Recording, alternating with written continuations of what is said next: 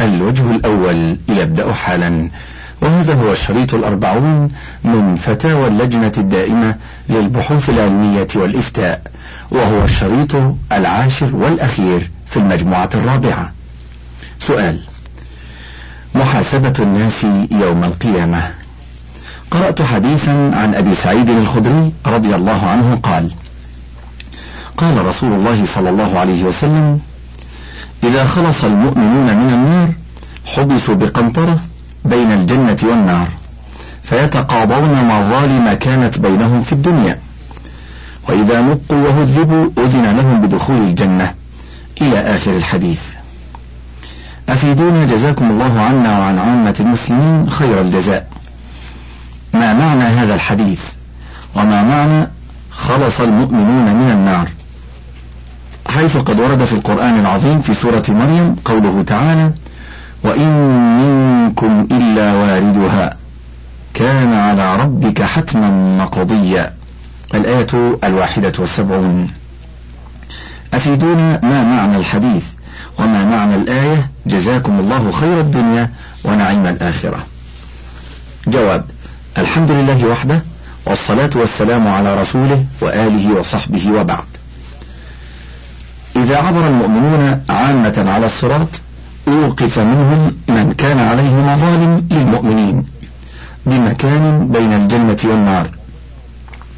ومنعوا من دخول الجنة حتى يقضى للمظلوم ممن ظلمه.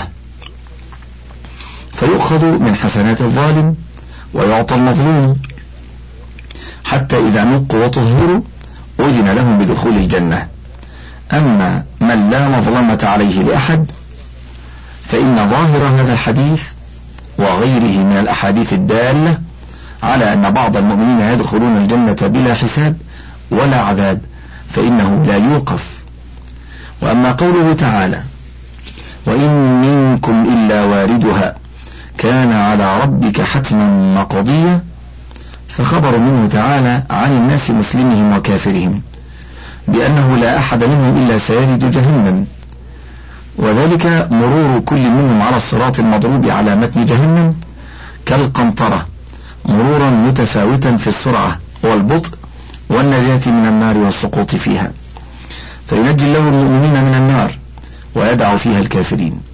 كما قال تعالى عقب هذه الآية ثم ننجي الذين اتقوا ونذر الظالمين فيها جثيا وقد أوجب سبحانه على نفسه هذا الجزاء وقضى به عليها قضاء مبرما.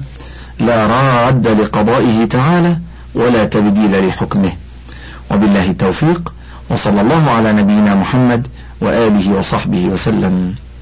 سؤال هل الأخرس يحاسب يوم القيامة مسلما أو كتابيا أو كافرا؟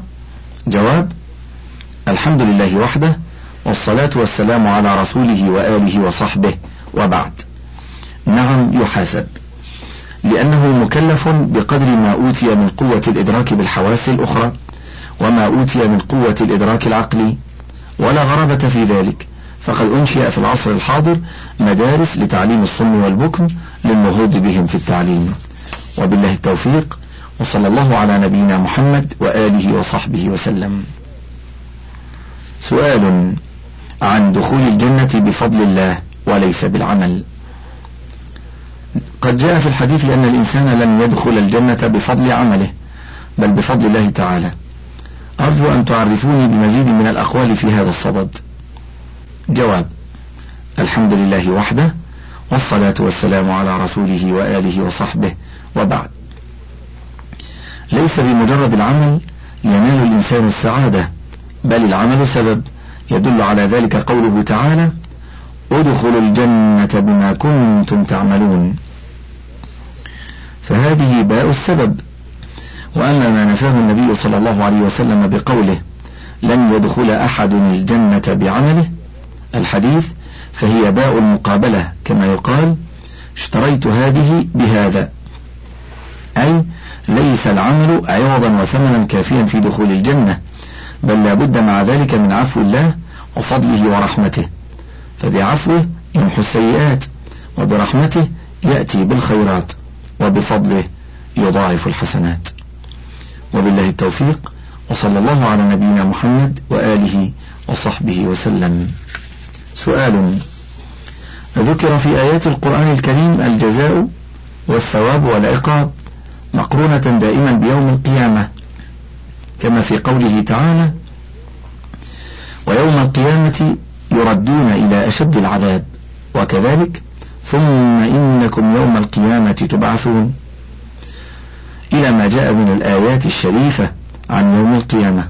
والسؤال هل ورد في القرآن كما ورد في الأحاديث النبوية الشريفة؟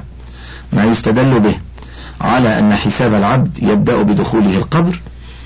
جواب الحمد لله وحده والصلاة والسلام على رسوله وآله وصحبه وبعد. ليس الجزاء بالثواب والعقاب في القرآن مقرونا بيوم القيامة دائما بل قد يعجل الله بعض الجزاء لبعض عباده في الدنيا ويؤخر بعضهم إلى يوم القيامة.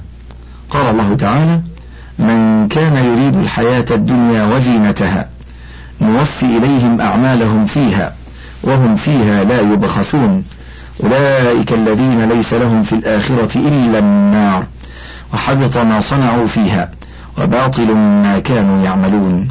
وقال من كان يريد العاجلة عجلنا له فيها ما نشاء لمن نريد ثم جعلنا له جهنم يصلاها مذموما مدحورا. الآيات. وقال في نصرة موسى على الكفرة من قومه فوقاه الله سيئات ما مكروا وحاق بآل فرعون سوء العذاب النار يعرضون عليها غدوا وعشيا ويوم تقوم الساعة أدخلوا آل فرعون أشد العذاب. الآيات. إلى أمثال ذلك من آيات القرآن التي تدل على أن الله قد يعجل بعض الجزاء في الدنيا أو يجعله في القبر كما حصل لآل فرعون أو يؤخره إلى قيام الساعة. وبالله التوفيق. وصلى الله على نبينا محمد وآله وصحبه وسلم. سؤال. وضع ما يغفر للمسلم يوم القيامة من ذنوبه على يهودي أو نصراني. ووقوع الإشكال بذلك مع قول الله تعالى ولا تجزون إلا ما كنتم تعملون وأمثالها من القرآن أرجو سماحتكم التكرم بإزالة اللبس جواب الحمد لله وحده والصلاة والسلام على رسوله وآله وصحبه وبعد. أما قوله صلى الله عليه وسلم فيغفرها للمسلمين ويضعها على اليهود والنصارى فهذا الحديث قد شك راويه فيه ولا يحتج به مع الشك ولكونه يخالف ظاهر القرآن الكريم. لكن إن صح عنه صلى الله عليه وسلم فهو لا يقول إلا الحق ويجب حمله على ما يوافق الأدلة الأخرى. وذلك بحمله على اليهود والنصارى الذين كانوا سببا في وقوع المسلمين في الذنوب التي غفرت لهم. لقوله سبحانه ليحملوا أوزارهم كاملة يوم القيامة ومن أوزار الذين يضلونهم بغير علم.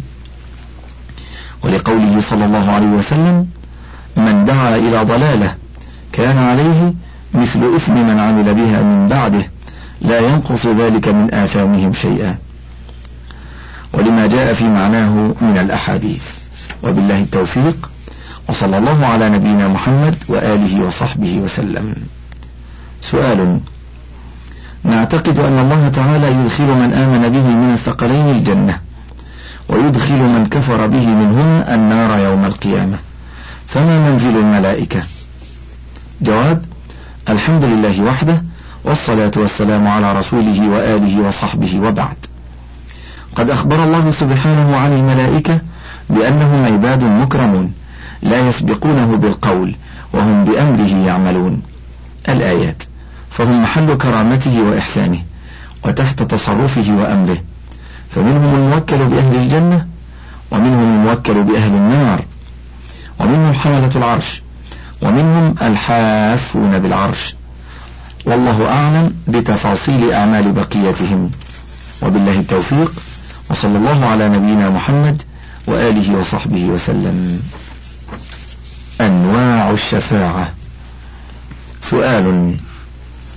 كيف يشفع النبي صلى الله عليه وسلم لأمته عند ربه يوم القيامة؟ وكيف يشفع الصحابة والصالحون والملائكة للمذنبين؟ وحديث شفاعتي لأهل الكبائر من أمتي. هل صحيح السند؟ وما معناه إن صح الحديث. جواب الحمد لله وحده والصلاة والسلام على رسوله وآله وصحبه وبعد. شفاعة النبي صلى الله عليه وسلم وشفاعة الصالحين يوم القيامة ثابتة في القرآن وقد وردت فيها أحاديث صحيحة تفسر ما جاء في القرآن ومن الحديث الذي أشرت إليه في سؤالك وهي أنواع. قال الشيخ عبد الرحمن بن حسن رحمه الله في كتاب فتح المجيد وذكر أيضا رحمه الله يعني ابن القيم أن الشفاعة ستة أنواع. الأول الشفاعة الكبرى التي يتأخر عنها أولو العزم عليهم الصلاة والسلام حتى تنتهي إليه صلى الله عليه وسلم فيقول أنا لها. وذلك حين يرغب الخلائق إلى الأنبياء يتشفع لهم إلى ربهم. حتى يريحهم من مقامهم في الموقف. وهذه شفاعة يختص بها لا يشركه فيها أحد. الثاني شفاعته لأهل الجنة في دخولها. وقد ذكرها أبو هريرة في حديثه الطويل المتفق عليه. الثالث شفاعته لقوم من العصاة من أمته قد استوجبوا النار بذنوبهم فيشفع لهم أن لا يدخلوها. الرابع شفاعته في العصاة من أهل التوحيد الذين يدخلون النار بذنوبهم والأحاديث بها متواترة عن النبي صلى الله عليه وسلم وقد أجمع عليها الصحابة وأهل السنة قاطبة وبدعوا من أنكرها وصاحوا به من كل جانب ونادوا عليه بالضلال الخامس شفاعته لقوم من أهل الجنة في زيادة ثوابهم ورفعة درجاتهم وهذه مما لم ينازع فيها أحد وكلها مختصة بأهل الإخلاص الذين لم يتخذوا من دون الله وليا ولا شفيعا. كما قال تعالى وأنذر به الذين يخافون أن يحشروا إلى ربهم ليس لهم من دونه ولي ولا شفيع. السادس شفاعته في بعض أهله الكفار من أهل النار حتى يخفف عذابه. وهذه خاصة بأبي طالب وحده. وبالله التوفيق وصلى الله على نبينا محمد وآله وصحبه وسلم. سؤال هل الطفل الصغير إذا توفي وله سنة يشفع لوالديه ولوالدي والديه؟ الحمد لله وحده والصلاة والسلام على رسوله وآله وصحبه وبعد. يشفعه الله في والديه. أما شفاعته لوالدي والديه فإلى الله علم ذلك. وبالله التوفيق وصلى الله على نبينا محمد وآله وصحبه وسلم. سؤال. هناك من يقول تقريرا أو تحريرا بكفر جماعة من السلف. مثلا شاه ولي الله دهلوي شاه عبد القادر شيخ عبد القادر جيلاني وغيرهم الذين عددهم ثلاثة وثلاثون من العلماء والصلحاء. ويقول أيضا كان الإمام أحمد بن حنبل مشركا لأنه يكتب في كتابه كتاب الصلاة الإيمان بالحوض والشفاعة والإيمان بمنكر ونكير وعذاب القبر والإيمان بملك الموت وقبض الأرواح ثم ترد في الأجساد بعد القبور في القبور ويسألون عن الإيمان والتوحيد. ويسألون عن الإيمان والتوحيد. ويكتب ابن تيمية أيضا واستفاضت الآثار بمعرفة الميت أهله وبأحوال أمه وزوجاته في الدنيا وأن ذلك يعرض عليه. وجاءت الآثار بأنه يرى أيضا وبأنه يدري بما يفعل عنده. فيصر بما كان حسنا ويتألم بما كان قبيحا. وتجتمع أرواح الموتى فينزل الأعلى إلى الأدنى للعكس الآن يا شيخ أسألك هذان الإمامان كافران مشركان؟ يوجه هذه العبارات المكتوبات بحسب الشريعة النبوية؟ يا شيخ أجبنا جوابا شافيا بالتفصيل حسب الشريعة النبوية على صاحبها الصلاة والسلام. الله يجزيك جزاء حسنا. جواب؟ الحمد لله وحده والصلاة والسلام على رسوله وآله وصحبه وبعد. الإمام أحمد بن حنبل والإمام أحمد بن عبد الحليم ابن تيمية من كبار علماء الإسلام وممن شهد له بالفضل وكتبهما ناطقة بذلك وهما من أئمة أهل السنة والجماعة. وما ذكر من الإيمان بالحوض والشفاعة وعذاب القبر ونعيمه كل هذا حق دلت عليه الأدلة الشرعية الثابتة وأجمع عليه أهل السنة والجماعة وبالله التوفيق وصلى الله على نبينا محمد وآله وصحبه وسلم. سؤال ما حكم الإسلام في رجل ينكر حديث الشفاعة؟ الذي رواه البخاري في صحيحه. ويقول أيضا إن في صحيح البخاري أحاديث مدسوسة. جواب الحمد لله وحده والصلاة والسلام على رسوله وآله وصحبه وبعد. إن صحيح البخاري تلقاه علماء الأمة بالقبول فأحاديثه يعتمد عليها في إثبات الأحكام وتقوم بها الحجة على المخالف. ومن قال إن فيه أحاديث مدسوسة فهو جاهل مخطئ مخالف لإجماع الأمة. وكذا من أنكر حديث الشفاعة العظمى أو أحاديث الشفاعة الأخرى التي رواها البخاري في صحيحه وغيره, وغيره من أئمة الحديث فهو مخالف لأهل السنة والجماعة وسلف الأمة ذاهب مذهب أهل الزيغ والضلال. وبالله التوفيق. صلى الله على نبينا محمد وآله وصحبه وسلم. موت العصاة من أهل النار. سؤال. هل يميت الله العصاة من هذه الأمة إن دخلوا النار إماتة حقيقية؟ وما معنى لا يذوقون فيها الموت؟ هل ورد في ذلك حديث أصلا؟ جواب الحمد لله وحده والصلاة والسلام على رسوله وآله وصحبه وبعد. لا يموت الكفار ولا المؤمنون ولا عصاة المؤمنين بعد موتتهم التي ماتوها عند انتهاء أجلهم في الحياة الدنيا. لا موتا حقيقيا ولا موتا غير حقيقي كالنوم. لكن ناسا من عصاة المؤمنين. أصابتهم النار بذنوبهم فأماتتهم إماتة حتى إذا كانوا فحما أذن بالشفاعة. كما جاء في حديث أبي سعيد الخدري قال قال رسول الله صلى الله عليه وسلم أما أهل النار الذين هم أهلها فإنهم لا يموتون فيها ولا يحيون. ولكن ناسا أصابتهم النار بذنوبهم أو قال بخطاياهم فأماتتهم إماتة حتى إذا كانوا فحما أذن بالشفاعة فجيء بهم ضبائر ضبائر فبثوا على أنهار الجنة ثم قيل يا أهل الجنة أفيضوا عليهم فينبتون نبات الحبة تكون في حميل السيل فقال رجل من القوم كان رسول الله صلى الله عليه وسلم قد كان في البادية رواه مسلم في صحيحه. كلمة لا يذوقون فيها الموت بعض آية من سورة الدخان. سيقت ضمن آيات في نعيم المتقين. هي قول الله سبحانه إن المتقين في مقام أمين في جنات وعيون يلبسون من سندس واستبرق متقابلين. كذلك وزوجناهم بحور عين يدعون فيها بكل فاكهة آمنين. لا يذوقون فيها الموت إلا الموتة الأولى ووقاهم عذاب الجحيم. فضلا من ربك. ذلك هو الفوز العظيم. وبالله التوفيق. وصلى الله على نبينا محمد وآله وصحبه وسلم. دخول ولد الزنا الجنة. سؤال هل يدخل ابن الزنا الجنة؟ إذا كان تقيا أو لا لأنه وجد مضغة ذميمة. جواب الحمد لله وحده والصلاة والسلام على رسوله وآله وصحبه وبعد. يدخل الجنة ابن الزنا إذا مات على الإسلام ولا تأثير لكونه ابن زنا على ذلك لأنه ليس من عمله إنما هو من عمل غيره. وقد قال تعالى ولا تزر وازرة وزر أخرى ولعموم قوله تعالى كل امرئ بما كسب رهين. وقوله تعالى إن الذين آمنوا وعملوا الصالحات لهم جنات النعيم. وما جاء في معنى ذلك من الآيات. وما روي عن النبي صلى الله عليه وسلم أنه قال لا يدخل الجنة ولد زنية فلم يصح عنه. صلى الله عليه وسلم.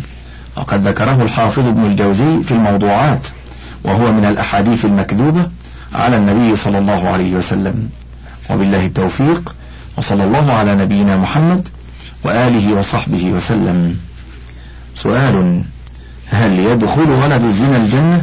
حيث قيل إن ولد الزنا نجس ولا يدخل الجنة نجاسة. جواب الحمد لله وحده والصلاة والسلام على رسوله وآله وصحبه وبعد. إذا مات مسلما دخل الجنة. ولا يمنعه من ذلك إن كان ولد زنا وليس بنجس.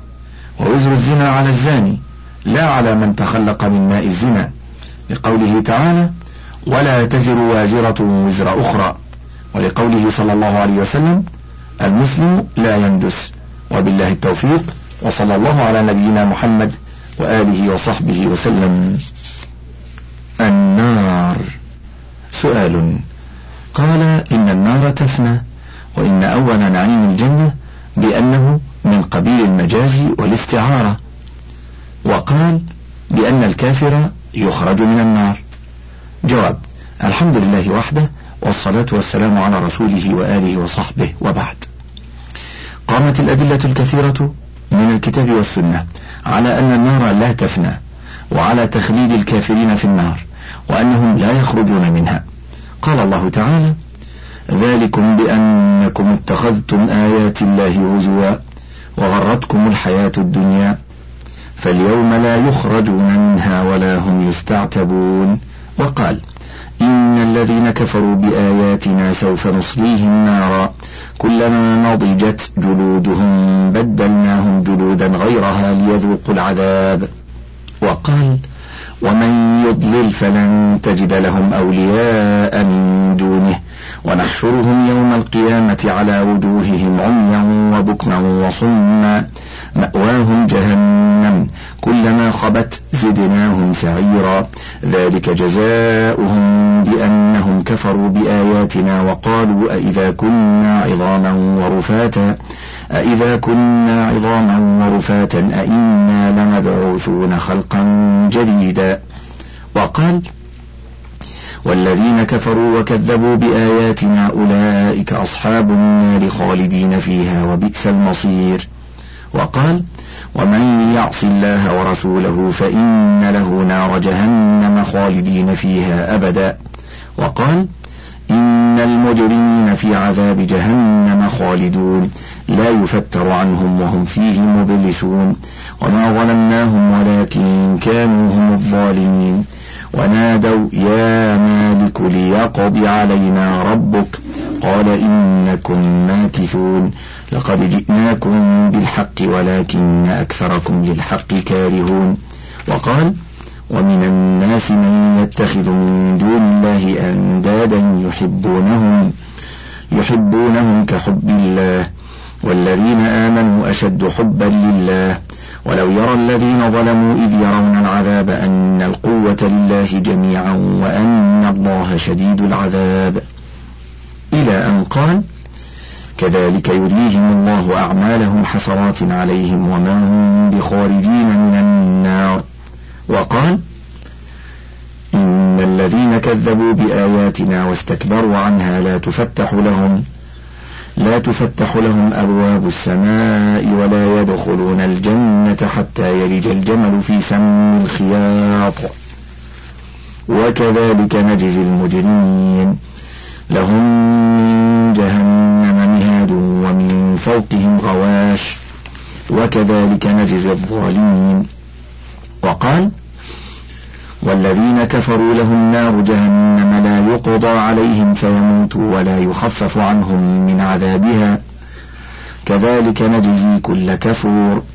وهم يصطرخون فيها ربنا أخرجنا نعمل صالحا غير الذي كنا نعمل. أولم نعمركم ما يتذكر فيه من تذكر؟ وجاءكم النذير. فذوقوا فما للظالمين من نصير. وقال إن جهنم كانت مرصادا للطاغين مآبا. إلى أن قال فذوقوا فلن نزيدكم إلا عذابا. إلى غير ذلك من الآيات التي يدل كل منها على تخليد الكفار في النار وعدم خروجهم منها وعدم فنائها. فإذا اجتمعت كانت دلالتها على ذلك أقوى وأبعد عن التأويل. أما الجنة فدار الجزاء يوم القيامة لمن آمن وعمل الصالحات. فيها من النعيم ما تشتهيه الأنفس وتلذ الأعين. فيها ما لا عين رأت ولا أذن سمعت ولا خطر على قلب بشر. يتمتع بها من دخلها متاعا حقيقيا حسيا وروحيا ويحيون فيها حياة أبدية لا فناء ولا خروج منها ولا انقطاع لنعيمها ولا نغص ولا كدر بالنصوص القطعية وإجماع أهل العلم والإيمان. قال الله تعالى مثل الجنة التي وعد المتقون تجري من تحتها الأنهار أكلها دائم وظلها. تلك عقبى الذين اتقوا وعقبى الكافرين النار. وقال تعالى إن المتقين في جنات وعيون ادخلوها بسلام آمنين ونزعنا ما في صدورهم من غل إخوانا على سرر متقابلين. لا يمسهم فيها نصب وما هم منها بمخرجين. وقال تعالى هذا وإن للمتقين لحسن مآب. جنات عدن مفتحة لهم الأبواب متكئين فيها يدعون فيها بفاكهة كثيرة وشراب. وعندهم قاصرات الطرف أتراب. هذا ما توعدون ليوم الحساب. إن هذا لرزقنا ما له من نفاد. وقال تعالى الأخلاء يومئذ بعضهم لبعض عدو إلا المتقين. يا عباد لا خوف عليكم اليوم ولا أنتم تحزنون. الذين آمنوا بآياتنا وكانوا مسلمين. ادخلوا الجنة أنتم وأزواجكم تحبرون. يطاف عليهم بصحاف من ذهب وأكواب.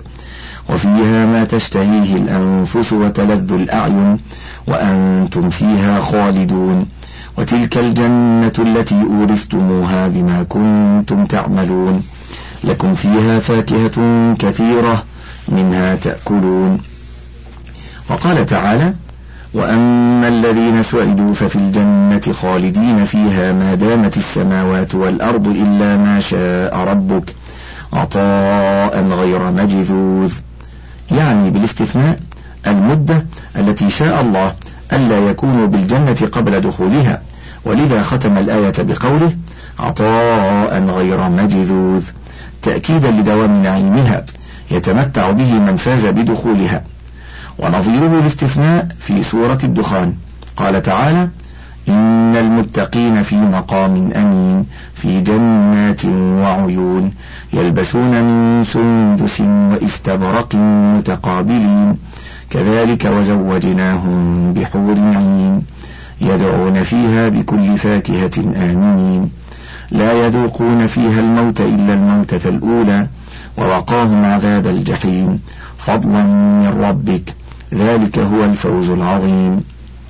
فاستثنى موتة سابقة من موت منفي مستقبل لإفادة تأبيد الحياة وتأكيد دوامها أو المراد بالاستثناء بيان عموم مشيئة الله ونفوذها في كل شيء فدخول أهل الجنة الجنة وأهل النار النار وخلود كل من الفريقين فيما دخل فيه من نعيم أو عذاب إنما كان بمشيئة الله واختياره وفضله وعدله لا واجبا عليه عقلا ولا يحصل كرها عنه ولا قهرا له تعالى الله عن ذلك علوا كبيرا.